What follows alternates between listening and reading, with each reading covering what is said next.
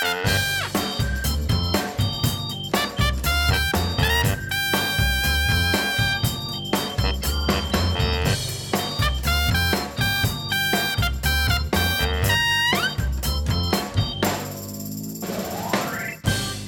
is de allereerste podcast op de nieuwe werkplek van CIP.nl. En we zitten hier in ook onze nieuwe keuken met onder andere Patrick Simons. Juist, Welkom in de podcast, Pat. hartelijk dank. Hoe bevalt de nieuwe werkplek tot nu toe? Chaotisch. maar dat komt omdat het de eerste dag is We vermoed. hebben vandaag heel veel lopen sjouwen. Ja, we hebben verhuisd. We konden niet echt direct een goede plek voor de podcast vinden. We hadden geen dingen voor de gehuurd natuurlijk. Waren we weer vergeten. Ruimte Oh ja, gereserveerd. ja. Ja, voor de, voor de CIP-luisteraar. eh, we zijn officieel zijn we een bedrijf, maar als je even achter de schermen kijkt, dan is, ja, zijn we een soort hobbyisten. Hè? Ja. We komen eigenlijk vooral, vooral voor het schrijven, voor het echte werk, Ja. maar alles daarbuiten. En de podcast hè. En de podcast. Ja, ja, ja, ja, Absoluut. zeker weten. Ja. En we hebben weer een podcast vandaag. Ja. Eh, we gaan het hebben over vakantiepark De Bettelt. Nou, Ja. je zou denken van, wa- wat zou je daar nou over moeten melden? Maar eh, er zijn beelden uitgekomen van een duiveluitdrijving die daar heeft plaatsgevonden. En Ja. daar weet jij meer van, Ja, Pet. ja, daar ga ik zo van alles over vertellen. Ja. Ja. Maar we beginnen niet in politiek Den Haag, maar in Washington. America first. America first. We gaan het over eh, Trump hebben, onder andere. Donald Trump die deed mee aan de Mars voor het Leven hè, vorige week. Dat is de eerste Amerikaanse president die dat deed. Dat is dus heel bijzonder. Ehm, eerder denk ik dat president eh, het niet aandurfde om mee te gaan. Sommigen spraken wel een videoboodschap in. Hè. Eh, dat deed Trump zelf vorig jaar ook. Dit jaar besloot hij om, toch om mee te lopen. Eh, ja, het is natuurlijk logisch hè, dat, veel mensen automatisch dan gaan denken... dat is, dat is puur een, een, een campagnestunt, hè, verkiezingsstunt. De verkiezingen komen eraan. Ook Vol- mijn eerste gedachte, eerlijk ja, gezegd. heel logisch. Eh, verkiezingen komen eraan en eh, de christelijke kiezers zijn voor Trump heel belangrijk. Ehm, wat opvallend is, is dat hij eerder, en dan heb ik het over 20 jaar, die 20 jaar geleden geloof ik, heeft hij zich juist eh, positief over abortus uitgesproken. Dus dat is wel opvallend. Toen zei hij in in een interview met, met NBC, dacht ik, ehm, dat hij een voorstander is van het recht op abortus. Eh, en dat was een interview eind jaren 90. En dat hij, als hij in het Witte Huis zou komen, abortus nooit zou verbieden. Heeft hij ook niet gedaan, overigens. Hè? Maar het wordt wel flink ingeperkt door de regering Trump. Wat ik overigens alleen maar toejuich. Eh, maar dat geeft wel aan dat eigenlijk, zoals de wind waait, waait zijn, Zijn jasje. zijn toepetje. Het ge- dat gebeurt trouwens al vaker. Hè? Dan zie je als tweets, oude tweets van Trump voorbij komen van voor zijn eh, presidentschap, zeg maar. Klopt. En dan is het precies omgekeerd wat hij dan Precies. zegt. Ja, hij zei overigens wel hele mooie dingen hoor tijdens de toespraak. Hij zei bijvoorbeeld: ehm, Iedereen is het waard om beschermd te worden. Ieder mens, geboren en ongeboren, is gemaakt naar het beeld van de Almachtige God. Elk kind is kostbaar en een heilig geschenk van God. En we moeten met elkaar de waardigheid van ieder mensenleven verdedigen. Overigens vind ik het heel bijzonder, even helemaal los van of het al dan niet campagnepraat is. Hè, vind ik het sowieso bijzonder dat een van de belangrijkste en machtigste mensen op deze wereld op die manier hardop voor het leven kiest. Laten we dat in ieder geval koesteren. Overigens was naast die mooie dingen was Trump ook wel weer echt Trump. Met een hoop gepoch over zijn eigen regering. Eh, dat wat mocht niet ontbreken. Nee, wat hij allemaal bereikt heeft voor de pro-life beweging. hij zei onder meer, nog nooit hebben ongeboren kinderen een krachtige verdediger in het Witte Oh. Huis gehad als nu. Dat je dat over Ja, jezelf ja, zegt. Ja, ja, typisch Trump hè. Ja. Toch een beetje de Baudet van, eh, van Amerika. Die zou dat ook kunnen zeggen. dat iets minder. Die, is iets, die, is, die is wel net zo narcistisch, maar die uit zich minder narcistisch. Mm, mm. Wat misschien wel weer slimmer is dan. Ja, ja. Waar ik ook even aan moest denken was een bericht van een, een maand geleden op CIP. Een soort aftrap van zijn verkiezingscampagne onder, eh, onder christenen. Want Oh, toen stond hij in een kerk. Ja, allemaal pastors om hem heen, weet je wel. En eh, een soort van de handen op, ja, letterlijk de handen opleggen. Inzegenen voor zijn nieuwe verkiezingscampagne. Met allerlei, eh, ja, best wel charismatische gebeden die dan worden uitgesproken. Mhm. Het, is, het zijn geen eh, mensen uit de gereformeerde bond die daar om, om hem heen staan. Blijkt uit die beelden. En laten we even een fragmentje horen om daar een indruk van te krijgen. Father, in the name of the Lord Jesus Christ, we come before you, Lord. We present our president. And all the nations of the earth will, will say, America is the greatest nation of the earth. Father, I give you the praise and I give you the honor. In Jesus' mighty name, amen and amen. Amen. And now, as we stretch our hands, we secure your purpose. We secure your calling. Give him victory after victory, victory after victory. We declare that no weapon formed against him will be able to prosper, and every demonic altar that has been erected against him will be torn down. We declare that he will rise high and he is seated in heavenly places. Surround him with people of prayer and let him walk out the will of God. In Jesus' name. And everybody shout it. Ja, ik moet eerlijk zeggen, Patrick, ik krijg wel eens een beetje de kriebels van al die gezalfde leiders hè, die daar eh, naar het Witte Huis of naar een andere plek gaan, zelfs in hun eigen kerk, om een wit voetje te halen bij de president. En dan moeten er zoveel mogelijk fotografen omheen staan, want om te shinen hè, voor de achterban, kijk mij eens hier staan met de president. En uiteindelijk is het niet allemaal tot eer van God, hè, want eh, die gebeden die klinken wel zo eh, vroom en heilig. Ja, Maar ook- God tegenwoordig? Ook hun eigen eer staat hier toch eh, op het spel. Zo, jij bent, jij bent nou flink aan het oordelen. Je zit er te Jongen, kijken van, eh, ja. de man is het zondag hè, dat soort uitspraken doet. Ga anders direct op de rechterstoel zitten, zou ik zeggen. Nee, maar we- jij, jij, jij kent de Amerikaanse cultuur toch wel een beetje, Patrick. Als, Ja. je, als je eerlijk bent, eh, de, de politiek en de kerk zijn zo ingevlochten bij Dat is elkaar. toch helemaal prima. Ik vind overigens, ehm, dat, is, dat, dat zeg je nu, eh, dat is, klopt ook wel hoor. Maar je moet niet vergeten dat dat niet alleen bij de politiek en eh, geloof is, maar dat eigenlijk het geloof daar in alle lagen en alle vezels van de samenleving is doorgedrongen. hè. Je ziet het ook in de sportwereld waar het geloof helemaal is doorgedrongen. Ik heb van de week toevallig nog een berichtje gemaakt van, American, van een American Football Club. Die eh, elke, voor elke thuiswedstrijd een worshipdienst organiseren. Hè, er zijn heel veel sporters daar, of het nou basketballers of Ja. voetballers of wat dan ook zijn. Die, Dat vind ik die, dan die- wel die- mooi, die hoor. geloven en daarvoor uitkomen. Dus Ja. snap je, het is niet alleen de politiek. Het geloof is gewoon daar, zit in elke vezel. Ja. Eh, en dus ook in de politiek. Eh, dat, daar kan je natuurlijk kritisch op zijn, dat begrijp ik heel goed. Eh, aan de andere kant heb ik dat liever, dat een kerk veel invloed heeft op de regering en, en, behoorlijk veel macht heeft, dan een heidens land als Nederland, hè, waar, waar, waar, we- waar we een partij in de regering hebben zitten Ja. die het weghalen van kinderen promoot. Die wil dat mensen, als ze dan uiteindelijk wel geboren worden, in hun leven drugs gaan gebruiken legaal. En dat ze vervolgens zo vroeg mogelijk doodgaan hè, door euthanasie en eventueel nog geholpen ook, al dan niet dement. Ik heb het uiteraard over D66, maar dan heb ik liever zo'n regering eh, of zo'n situatie als in Amerika. En daarom snap ik ook mensen die zeggen, ik kies liever voor Trump dan voor Clinton, want dat Ja. is natuurlijk de D66 van Amerika. Ja, ja. Maar de andere kant is natuurlijk dat eh, wanneer je eenmaal je religie en politiek zo met elkaar verbindt, dat je automatisch alles wat je beweert, ook in de kerk, dat je dat gaat uitvergroten. Want eh, dat, daar ontkom je niet aan in Amerika. Je hebt natuurlijk democraten eh, versus eh, republikeinen. En om maar zoveel mogelijk je afstand te doen van die tegenstander, moet je je eigen punt nog meer Ja. kracht bijzetten. En dat heb ik wel eens moeite mee, want dan, dan verdwijnt de nuance en soms ook de pastorale kant van hele gevoelige eh, onderwerpen zoals abortus en homoseksualiteit. Ja, dat is absoluut waar. Maar nu we het toch over Trump hebben, Jeffrey. ehm, onze collega Geerten die heeft eh, recent een interview gehouden met Thijs van der Brink. Onze geliefde collega. Onze geliefde collega, die inmiddels hier is aangeschoven overigens ook. Hallo Geerten. Dank je. Ehm, dan zou je zeggen, wat heeft dat met Trump te maken, hè, Thijs van der Brink? Maar ik zou zeggen, Geerten, vertel het zelf maar.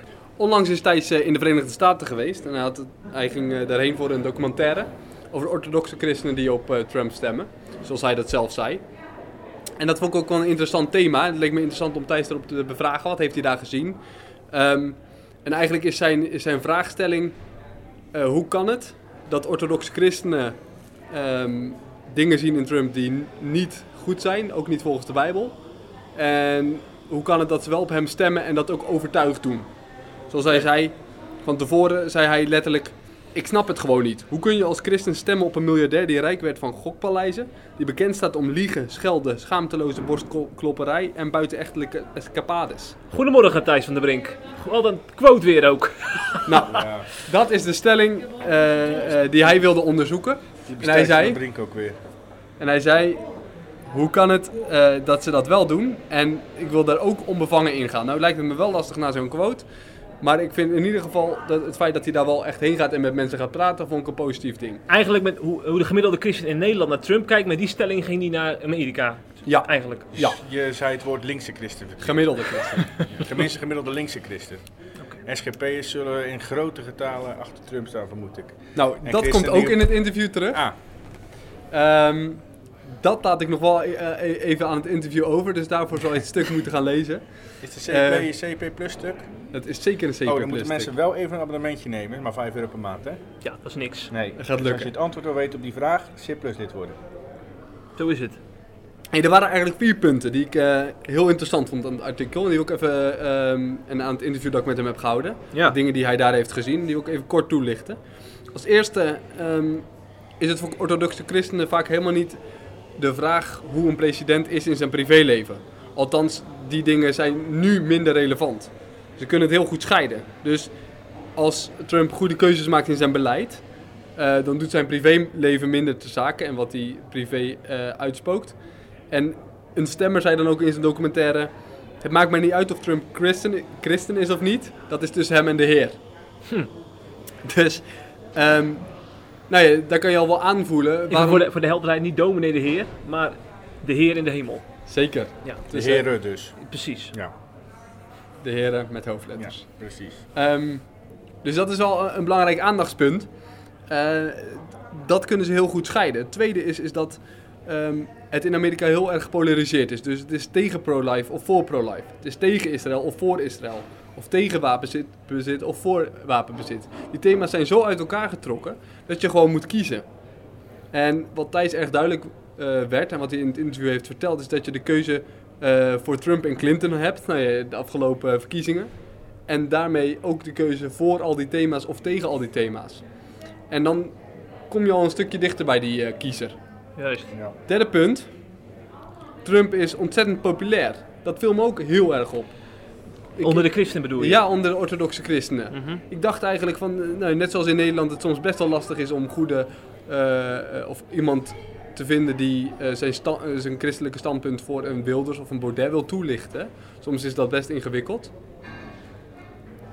Ehm, het is daar helemaal niet ingewikkeld om een Trump-stemmer te vinden die dat overtuigd doet.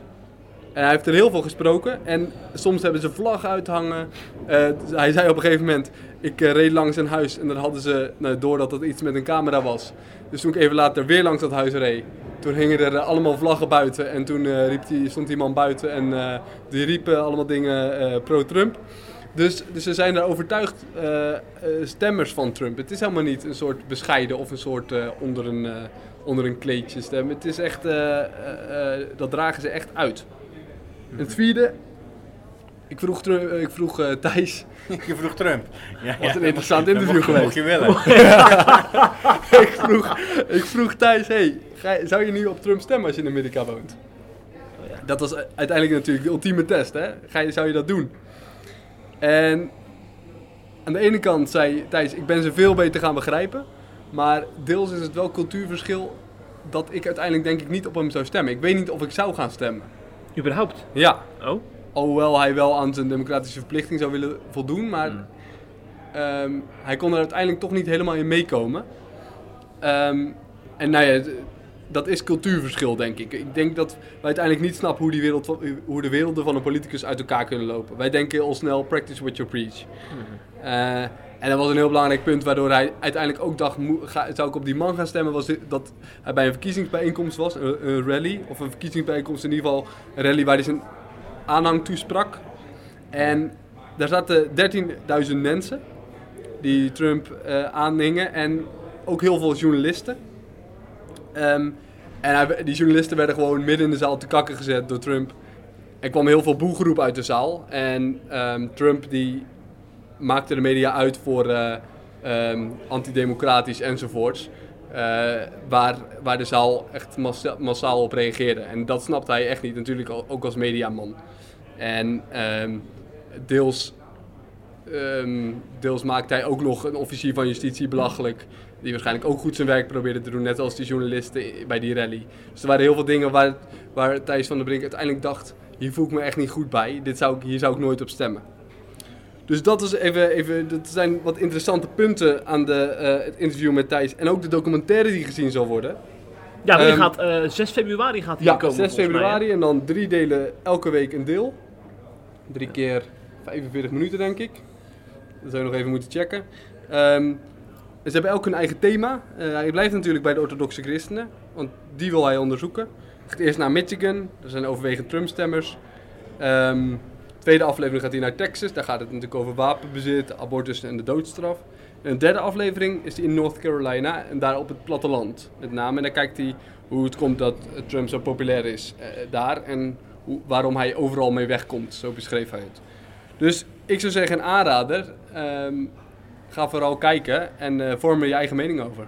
Ik stel voor om nog even een, eh, een deel van de trailer te luisteren van de docu. Dan hebben mensen een beetje een indruk van eh, ja, wie Thijs ongeveer ontmoet heeft en wat de sfeer is van de documentaire. Ja, een goed idee. Ik wil de christelijke Trump-stemmers echt snappen. Wie zijn ze? Hoe ziet hun leven eruit? Nice to meet you. Thank you. My name is Mike Van Buren. How are you? We're not just Christians, we're patriotic Christians. En met mijn achtergrond op de Nederlandse Bijbelbelt vraag ik me af... zijn er vooral overeenkomsten? He says America first, but we too are Americans. I have a personal right to my opinion. Maybe wrong, maybe right. It's my opinion. Of gaan onze wegen toch echt uit elkaar? Believe on the Lord Jesus Christ and trust in Him alone. Never seen this country so hateful towards one another.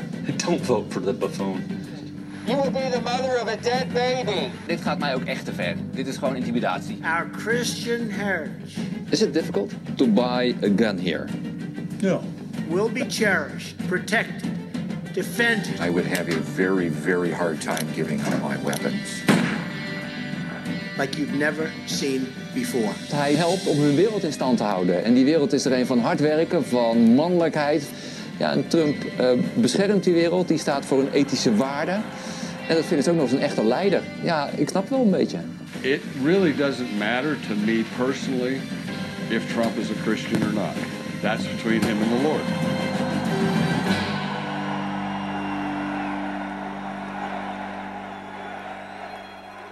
Die documentaire is dus eh, te bekijken binnenkort van, eh, over Trump. Ja. Wat ook te bekijken is, Patrick, dat is een eh, programma dat heet De Monitor. Ja. En eh, daar het ophef over, want zij hebben beelden gebruikt van vakantiepark De Battled. Nou, niet, niet, het gaat niet over, op, er is niet ophef over het programma, maar ophef over de inhoud van het programma. Dat, waren, Ja. er is, dat zijn onderzoeksjournalisten. Die hebben onderzoek gedaan naar een, nou ja, ik zou bijna secte noemen, maar dat, dat gaat te ver geloof ik. Hè? Naar in ieder geval een charismatische stroming uit Denemarken. Eh The Last Reformation heet die. Eh, onder leiding van, weet jij nog hoe die man heet? Ik ben zijn naam kwijt. Turben Sunderga- Sundergaard. Precies. Nou, en die, eh, die, eh, die gaan nogal heel erg ver in hun geloofsbeleving, laat ik het zo voorzichtig noemen. Eh, en die eh, passen onder andere duivelsuitdrijving toe. En dan bijvoorbeeld bij kinderen die autistisch zijn, hè, of bij kinderen die eh, stotteren. Eh, ja, daar gaat natuurlijk alle grenzen te buiten eigenlijk. Dat hebben ze in Denemarken een poosje gedaan. Eh, vervolgens is daar een documentaire over ge- geweest in Denemarken. Eh, daar is heel veel ophef over ontstaan. Toen zijn de wetten veranderd in dat land. Is hij ook vertrokken uit Denemarken. Die wetten zijn veranderd vanwege zijn gedrag. Ja, vanwege die documentaire over zijn, zijn stroming, zijn religie. Waardoor het niet meer mogelijk was om dat te doen. Zijn, is, die ver, is die verhuisd. Maar nou bleek dus uit onderzoek van dit programma van de Monitor dat het ook in Nederland plaatsvindt. Eh, die hebben daar onderzoek naar gedaan en die, die kwamen achter een filmpje waarin een, een jongen van een jaar of twaalf door diezelfde man ehm, van dichtbij te heel hard tegen hem geschreeuwd werd. En dan was hij een duivel uit aan het drijven. Ehm, ze zijn het verder gaan onderzoeken waar, de- waar die beelden zijn opgenomen. En het blijkt dus dat dat op eh, een christelijk vakantiepark is. Christelijk vakantiepark De Battled. Ja. Eh, dat blijkt uit verschillende dingen. Ten eerste zie je in de omgeving dat dat diezelfde omgeving is. Ten tweede heeft die jongen waar het over gaat, die heeft een badge om met het logo van dat vakantiepark. Ehm, dus ja, die hebben daar een hele uitzending over gemaakt, de monitor. En dat, eh, dat heeft nogal wat teweeggebracht natuurlijk, begrijp je. Ja, ja, ja. Maar het is niet strafbaar, hè?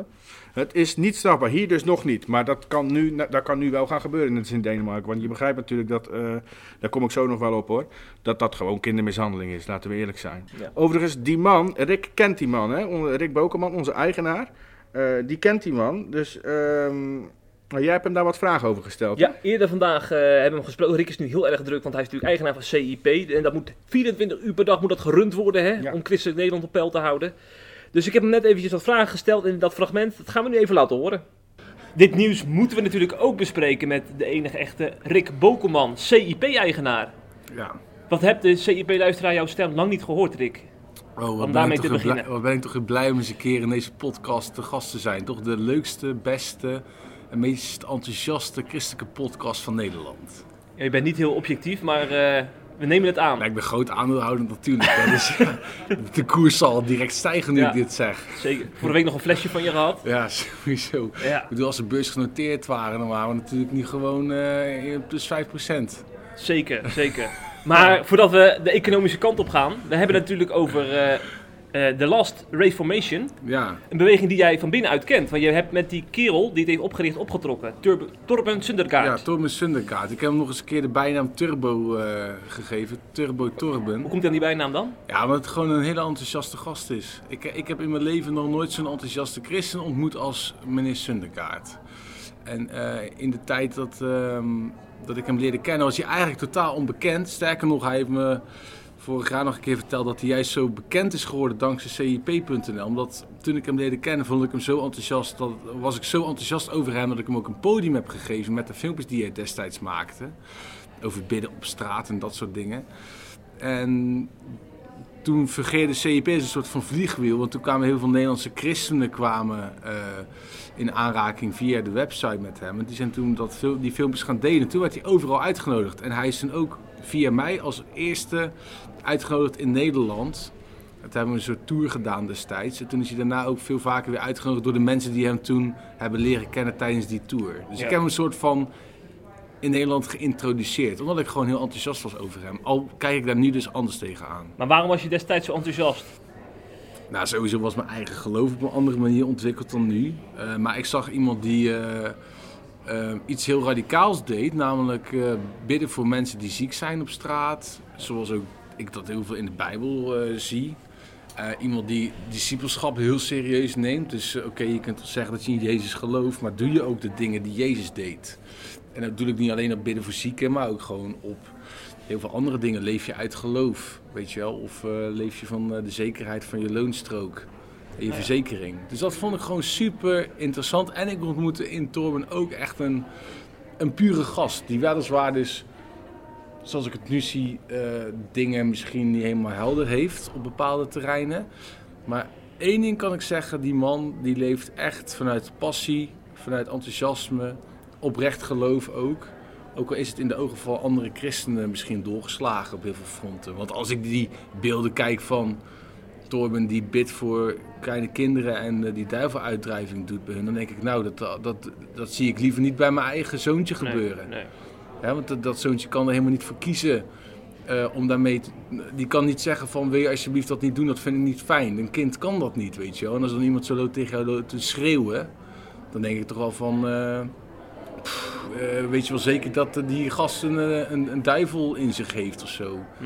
Dus dat is natuurlijk echt e- extreem heftig. Dus ik vind het wel moeilijk om te zien dat... ehm, ja, ik vind het nu dus wel moeilijk om te zien wat, wat hij soms doet. Alleen, dat, al neemt dat dus niet weg dat het gewoon een hele enthousiaste christen is. Nee, dat is duidelijk, dat is duidelijk. Maar neem ons eens mee in het hoofd van Torben. Want hij doet dit soort dingen natuurlijk inderdaad vol, vol passie.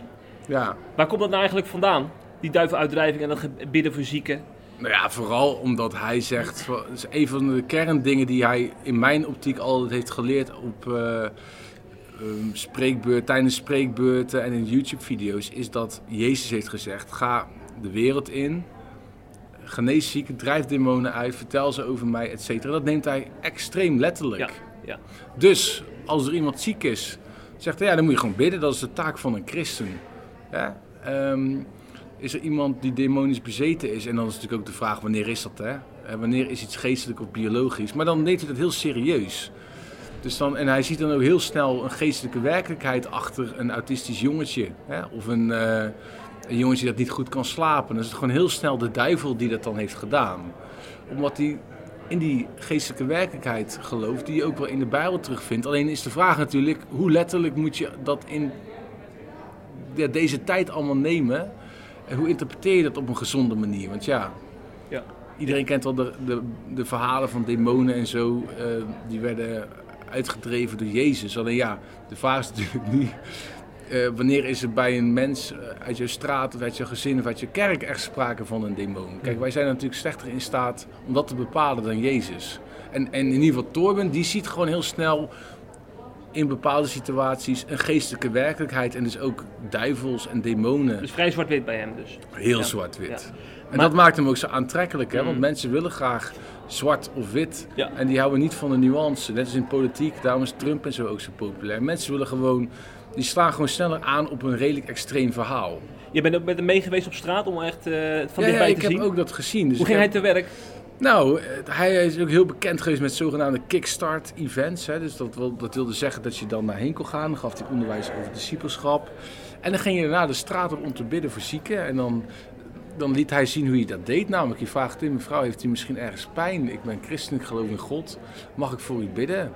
Dat die pijn dan verdwijnt als iemand zei dat, eh, dat hij pijn had. En dan eh, leg je de handen op en dan begon je te bidden voor iemand. En dan gebeurde er wel of niet iets. Was er ook duiveluitdrijving bij destijds al? Nou ja, dus niet op straat natuurlijk. Nee. Dat zag je dan wel weer vaak bij die events in gemeentes. Dan was het wel heel snel dat als iemand stemmen hoorde of zo, hè, nou, dan kun je er ook van zeggen, is dat eh, eh, psychiatrisch gewoon een stofwisselingsprobleem in je hersenen of is het echt een geest? Maar dan, dan ging die ook wel flink tekeer, ja. Ja. Maar dat gebeurde dan, die duifuitdrijving, meer in een gesloten setting, zoals ook op de Battled. Ja. En ik heb dus ook gezien hoe hij dan filmpjes maakte. Dat vind ik zelf wel heel interessant, omdat hij is dus echt enorm bekend geworden door de filmpjes die hij postte op basis van al die Kickstart-events. Weet je wel, events eh, dat, dat je opeens zag, gangsters zag uit New York, die dan op straat eh, werden aangesproken door christenen. Daar werd voor gebeden en opeens, of het nou ehm, ja, eh, de spanning was, eh, of het nou het placebo-effect was of echt de Heilige Geest, staat er ook in het midden. Maar dan opeens hadden die mensen geen pijn meer. Dat maakt natuurlijk enorme indruk op christenen die die filmpjes zagen. Maar ik heb gezien hoe hij die filmpjes heeft geschoten, ook in Nederland. En ik moet wel eerlijk zeggen, gewoon even de confession van eh, de Bokelman, dat die films natuurlijk extreem, extreem selectief werden gemonteerd. Dus als je twee uur materiaal had en er gebeurde twee uur niks, hè, het enige wat hij in het filmpje stopte was die vijf minuten dat er wel iets gebeurde en dat wel iemand ging huilen. Dus daardoor kreeg je ook een heel vertekend beeld als YouTube, eh, christelijke YouTuber, hè, als consument van die Torben. Kreeg hij ook snel, en daardoor kreeg hij ook weer heel snel een sterrenstatus. Van, want ja, bij Torben gebeurden al die dingen. Dus ja, het is ook gewoon een soort frame wat hij zelf heeft gecreëerd. Want als ik dan bijvoorbeeld eh, genezingen zag in de kerk, als ik met hem was, dan werd dat gewoon uitgemeten dat iemand genezen was. En, eh, maar ja, als je de dag erna die persoon sprak en die was, had toch weer pijn, dan stopte hij er nog niet in het filmpje. Juist. Ook al wist hij dat wel. Snap je? Niet, het eerlijke verhaal ontbrak. Ja, maar dat is ook weer niet dat hij het expres deed, Nee, snap je? nee. De, mensen zijn ook gewoon enthousiast en die willen zien wat ze willen zien. Dat heet cognitieve dissonantie in psychologische termen. Dus ja, mensen stoppen natuurlijk snel het succesverhaal erin. Eh, en niet zozeer eh, de schaduwkanten van dat succesverhaal. Of dat het misschien toch niet zo succesvol is als je dacht. Ja. Laten we bij het nieuws eh, afsluiten. Ehm, want heel veel mensen zijn natuurlijk nogal eh, verontwaardigd vanwege die duiveluitdrijvingen bij kinderen. Snap jij die verontwaardiging? Ja, ik denk gewoon aan mijn eigen kinderen. En ik denk, ja, stel je voor, ik vraag aan iemand of eh, die wil bidden omdat mijn zoontje autisme heeft. En opeens begint hij te schreeuwen. "Ah, Get out! Weet je, wel, dat soort dingen. en dat is een klein kind van 4, 6, 9, 12 jaar. Dan denkt dat kind allereerst natuurlijk van, oh shit, eh, ik dacht dat ik autisme had. Dat heeft papa wel eens verteld. Maar oh, nu kennelijk zit de duivel ook in mij. Dat is niet echt gezond voor een kind, denk ik. Bovendien, zo'n schreeuwende man dan, ja, die maakt ook volgens mij niet echt een hele fijne, plezierige indruk. Ook al geeft hij daarna heus wel een knuffel en dat soort dingen. Want zo is hij ook. Het is een hele lieve schat. Maar ik vind het als vader in ieder geval, laat ik het zo zeggen, gewoon, eh, ja, heeft het voor mij gewoon heel erg een nare bijsmaak. Helemaal dus omdat kinderen niet kunnen zeggen, als er zo'n grote man meneer Mhm. uit Denemarken voor jou aan het bidden is, van ik vind het gewoon niet fijn, wil je hier alsjeblieft mee stoppen? Kijk, volwassen mensen kunnen dat zeggen, van bedankt voor het bidden, maar je hoeft niet zo te schreeuwen, of die kunnen zelf weglopen. Maar een kind, weet je wel, dat wordt naar voren geschoven en Ja. ja, dat, ik denk dat iedere papa of mama dat denk ik gewoon wel moeilijk vindt. Hm. Ja, al zou er een geest in die persoon zitten. Ik denk dat je gewoon echt extreem, extreem, extreem voorzichtig moet zijn om überhaupt te zeggen over iemand dat er een duivel of een geest in iemand zit. Als je daarin gelooft, want daarin mag je best geloven van mij. Ehm, wees er echt wees er heel erg voorzichtig in en helemaal bij kinderen. pastoraal verantwoord omgaan. Eh, Noemen we dat in Ja, de jij, bent net vader, wat vind jij er zelf van? Je bent net vader. Ja, nee, ik, Stel je ik, voor, ik deel Jeremy jou... is nu eh, zes jaar. En, en er is iets met die jongen, die kan niet lekker slapen. En er komt een evangelist en je vraagt, wil je bidden? Je gelooft ook wel in God, dat God kan genezen. Dat is iets heel moois natuurlijk, dat moet je niet weggooien. En dan begint zo iemand opeens, die, die krijgt het idee dat daar een duivel in zit. Ja. Ik wil überhaupt niet dat iemand voor mijn kind op die manier bidt die, die ook geen relatie met ons heeft. Weet je, Kijk, als ik naar een pastoraal medewerker ga in mijn kerk, die, ons, die al jarenlang met ons meeloopt, misschien in de huiskring of zo, Ja. die kan ook in gebed bepaalde dingen benoemen die hij gewoon kent, omdat, omdat, weet omdat hij ons kent, weet je wel. Ja. En zo, ik vind iemand van buitenaf, die gaat hem allemaal dingen interpreteren die misschien helemaal niet waar zijn. Dat is Ja. ook gewoon niet wijs, lijkt Ja, mij. Nee, zeker. Nee, zeker. Ja. En tot slot, als je Torben verkettert... Kijk, ik ben ook best kritisch, weet je wel. Maar je moet uiteindelijk weten, dit soort mensen zijn gewoon extreem enthousiast over wat ze in de Bijbel lezen. En proberen dat ook misschien iets te extreem letterlijk in praktijk te brengen. En het levert dan ook soms extreme situaties op. Maar ze bedoelen het uiteindelijk, dat kan ik van die man echt met de hand in het vuur zeggen. Hij bedoelt het uitermate goed. Ja. Dus laat hem vooral niet als vijand afschilderen. Nee, helemaal niet. Want die, dat soort mensen offeren letterlijk hun leven op voor het goede nieuws en de boodschap van het evangelie. Ze zijn ook wel een beetje extreem soms, maar die mensen kunnen ons altijd wel heel veel leren natuurlijk. Alleen leer dan vooral van het gezonde, niet van het ongezonde in die mensen. Ja. Rick, mooi dat je even een inkijkje gaf in het hoofd van Torben. Dat wij ook weer eh, ja, beter hebben leren kennen eigenlijk. Ja. En misschien wel voor herhaling vatbaar. Wil je Rick vaker in de podcast? Ja, stem dan nu. ja. Stuur een mail naar info.cip.nl En wil je hem niet hebben in de podcast, mail dat dan ook. De groeten. Hoi. Nou, tot zover dus de schets van, eh, van die man, hè, die, die, die, die, die eh, de leider is van die, van die gemeenschap, van die religie zou ik bijna zeggen, of secte, ik weet niet goed hoe we het moeten noemen. Ehm, je hebt geloof ik ook nog een fragment waarin de duivelsuitdrijving waar we het over hebben zelf te horen is. En laten we die dan ook gelijk maar meepakken. Ja.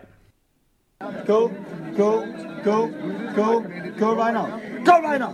Go, leave it, leave it, leave it, leave it right now. Go, go, go, go, do, do, kiss, go, solo, do, go, kiss, come on. Go right now, you lying spirit, I command you, demon, leave it right now. Freedom, freedom, come on, come on right now. Go, go, oh,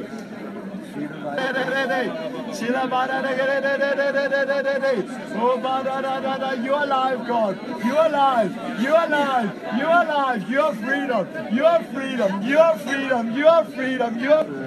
Nou goed, je hoort het eigenlijk al, het klinkt heel eng eigenlijk. Ehm, het is dus ook niet zo gek dat er ophef over ontstaan is, maar dat is vooral zo gegaan omdat het over kinderen gaat, ook wat mij betreft. De uitzending focust zich daar overigens ook op. Ehm, kijk, volwassenen kunnen zelf een keuze maken of ze daar zulke rituelen mee willen doen, hè, maar kinderen niet. Dus ik zou zeggen dat er een verbod op moet komen om dit bij kinderen te doen en ook om het in eh, het bijzijn van kinderen te doen. Eh, tijdens de uitzending komt er ook een, hoogleraar pedagogiek aan het woord.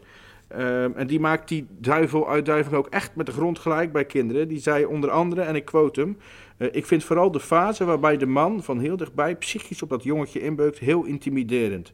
Als iemand die veel macht heeft in zo'n groep op zo'n korte afstand tegen je schreeuwt, is dat absoluut intimidatie. Als een sportcoach dat zou doen, wordt hij er levenslang uitgegooid. Ik vind het verschrikkelijk. En vervolgens noemt hij het zelfs eh, psychisch geweld. En zegt hij, het doet ook iets met het zelfbeeld van een kind. Want je zegt eigenlijk tegen een kind, jij bent bezeten door de duivel. En in sommige gevallen gaat dat dus over een kind met gewoon autisme. Of gewoon met autisme. Of een kind dat stottert. Ja. Ehm, er komt even later ook een meisje aan bod, eh, aan het woord in, eh, in, eh, in de uitzending. En daar gaat die stotterde dus vroeger. Die is overigens niet bij die stroming, maar die zat in Nederland in een andere religieuze gemeenschap. Eh, ze zeggen het er niet bij welke, maar ik vermoed wel dat het een christelijke gemeenschap is, als ik het zo hoorde.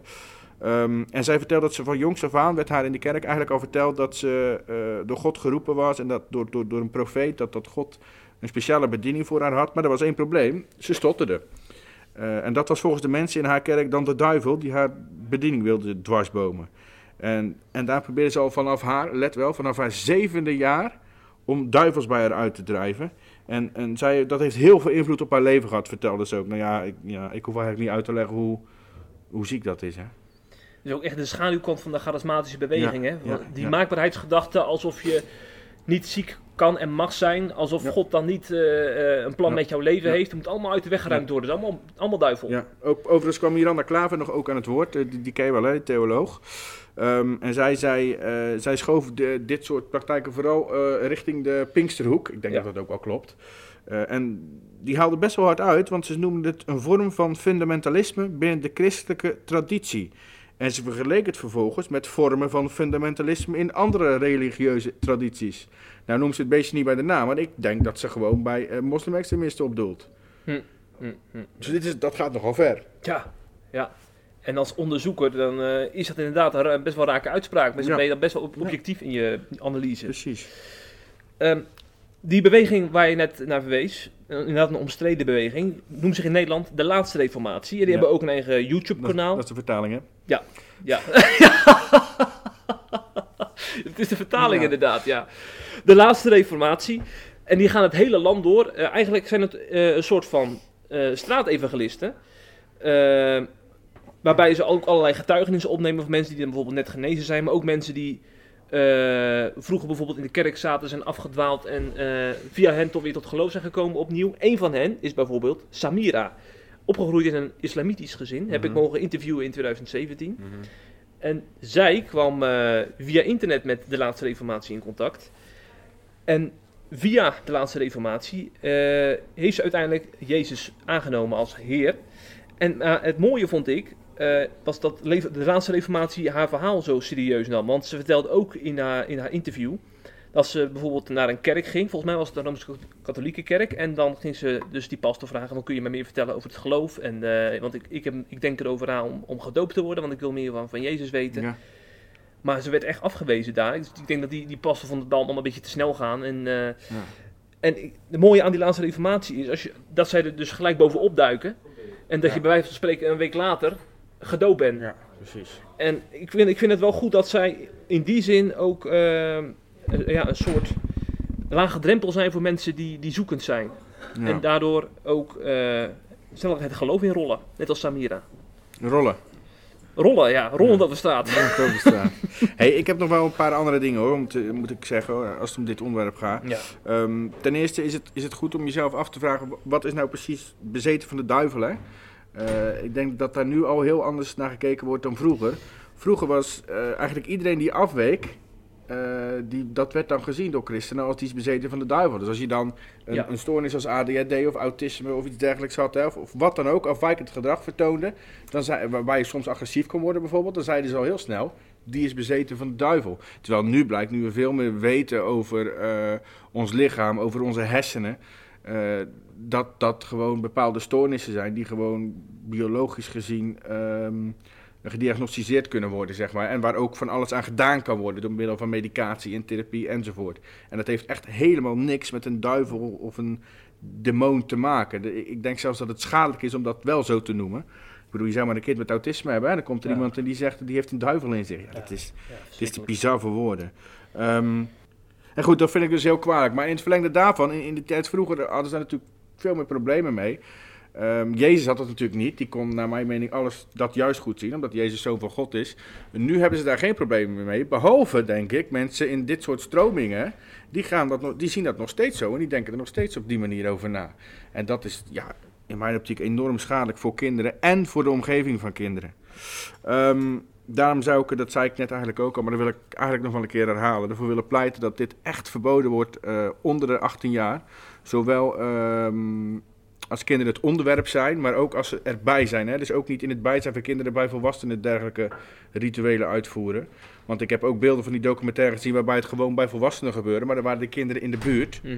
En die werden ook helemaal overstuur van wat er allemaal gebeurde. Dus ik zou willen voorstellen om het echt, echt gewoon te verbieden. Overigens zei eh, in die uitzending werd een, eh, een exorcist van de Rooms-Katholieke Kerk geïnterviewd. Oh, Want ja. die kerk die voert die praktijk ook nog steeds uit, ook al is dat niet zo heel bekend.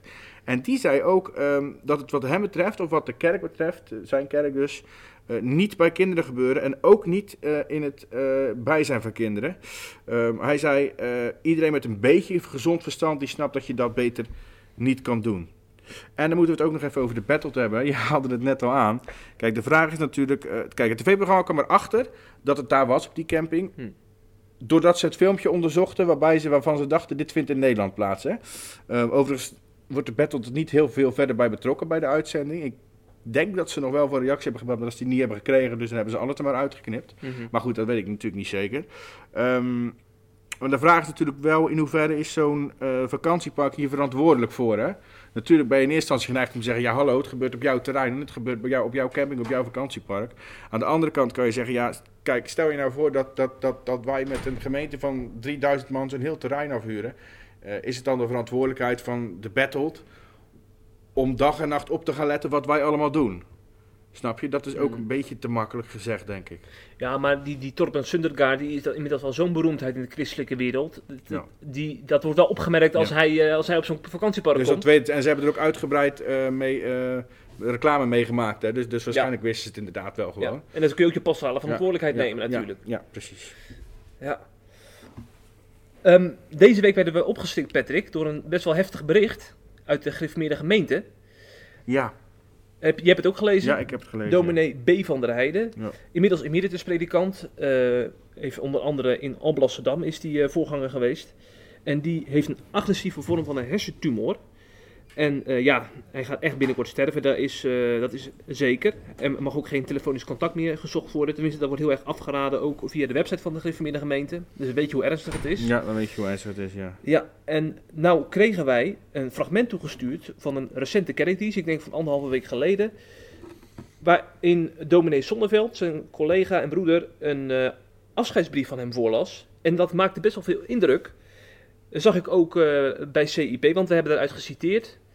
En eh, omdat het zoveel indruk maakte, willen we ook deze podcast met eh, die indrukwekkende woorden van dominee van der Heijden afsluiten. Eh, je hoort dominees vaak praten hè, over zeg maar, de liefde van, van Christus en Mhm. wat, het- wat, ja, wat het voor jou persoonlijk kan betekenen Mhm. als je hem mag aannemen als redder en Ja, heer. ja, ja. Maar als je dat in dit licht zegt, zeg maar, als, je, als je sterven echt in, zich, in, in, in, in, ehm, In het zicht komt. in het zicht komt, dan is het al extra bijzonder om die woorden te ja, horen. heeft een veel diepere betekenis Juist. eigenlijk ook. En normaal zou je kunnen zeggen, jij hebt makkelijk praten. Als hij het zelf tegen iemand zegt die stervend is. Maar nu is hij degene die, eh, die stervend is. Hè? Ja. Dus dan heeft het inderdaad wel, dat vind ik ook wel, een veel diepere betekenis. Ja, en daarom willen we het ook mee afsluiten. En aan het eind van het fragment zul je ook een psalm horen die de gemeente hem toezingt. En die psalm zal dan ook de afsluiting zijn van deze podcast. Oké. Patrick, bedankt voor je bijdrage Ja, weer. Jij ook, hè? En tot volgende week, hè? Ja, tot volgende week. De brief is een schrijven dankbrief ook van dominee B. van der Heijden. Ik lees hem voor. Geliefde gemeente, hartelijk dank voor het meeleven in de vorm van kaarten en brieven. Het is hartverwarmend. Het heeft ons zo goed gedaan, vooral als we mochten lezen dat het woord vrucht mocht afwerpen. Dat is Gods werk. Daarom past hem alle eer en dank. Nu wordt mijn aardse huis afgebroken. Mijn gedachten gaan achteruit. En nu het nog kan, wil ik jullie zeggen dat de Heere zo goed is en mij ondersteunt en sterkt. Hij heeft mij op een bijzondere wijze voorbereid voor de weg die ik moet gaan. Ook heeft hij na veel strijd tegen mij op een lieflijke wijze gezegd dat mijn werk klaar is. De meester bepaalt hoe lang de knecht mag werken. Het was zoals hij tegen Mozes zei, spreek mij niet meer over deze zaak. Dat ging met zoveel majesteit gepaard, maar ook op zo'n lieflijke wijze dat ik moest zwijgen. En wat zal ik dan nog zeggen? De Heere heeft het van mij afgenomen. Maar gemeente, ik moet nog wel door de doodsjordaan. Een knecht blijft niet altijd bij zijn meester. Alleen een kind blijft eeuwig bij zijn vader. En ben ik dus een kind? Dat heeft mij in de benauwdheid gebracht. Maar toen heeft de Heere mij zeer vertroost uit Efeze 2 vers 1 tot en met 6. En mocht ik geloven dat ik niet alleen zijn knecht mocht zijn, maar ook zijn kind. Onbegrijpelijk wonder van goddelijke barmhartigheid en grote liefde. Uit genade zalig geworden door het geloof en dat niet uit u, het is Gods gave. Gode zij dank voor zijn onuitsprekelijke gave. Gemeente, mijn hartelijke begeerte is om jullie op te roepen om de Heere te vrezen. Hij is het zo waard. En hij hoort het gebed. Tot hem zal alle vlees komen. Kom getrouw op onder het woord, want dat is het middel waardoor de Heere wil werken. Gods kinderen erven God. Wat een onbegrijpelijk wonder. Dezelfde God die we kwijt zijn geraakt en missen moeten door de zonde. Die mogen Gods kinderen nu erven. Een erfenis die onverderfelijk, onbevlekkelijk en onverwelkelijk is. Dat is God in Christus. Erfgenamen ontvangen de erfenis. Erfgenamen van Adam kunnen erfgenamen worden van God. Is dat geen wonder? Om niet, uit genade. Dat wensen we jullie allen van harte toe, dominee en mevrouw van der Heijden. We willen een antwoord op deze brief ook dominee van der Heijden en zijn vrouw iets toewensen door te zingen uit Psalm 32, vers 4. Gij zijt mij, Heer, ter schuilplaats ingevaren. En wat verder volgt, laten we staande de oudherder en leraar van onze gemeente in deze weg dat toezingen. 32, vers 4.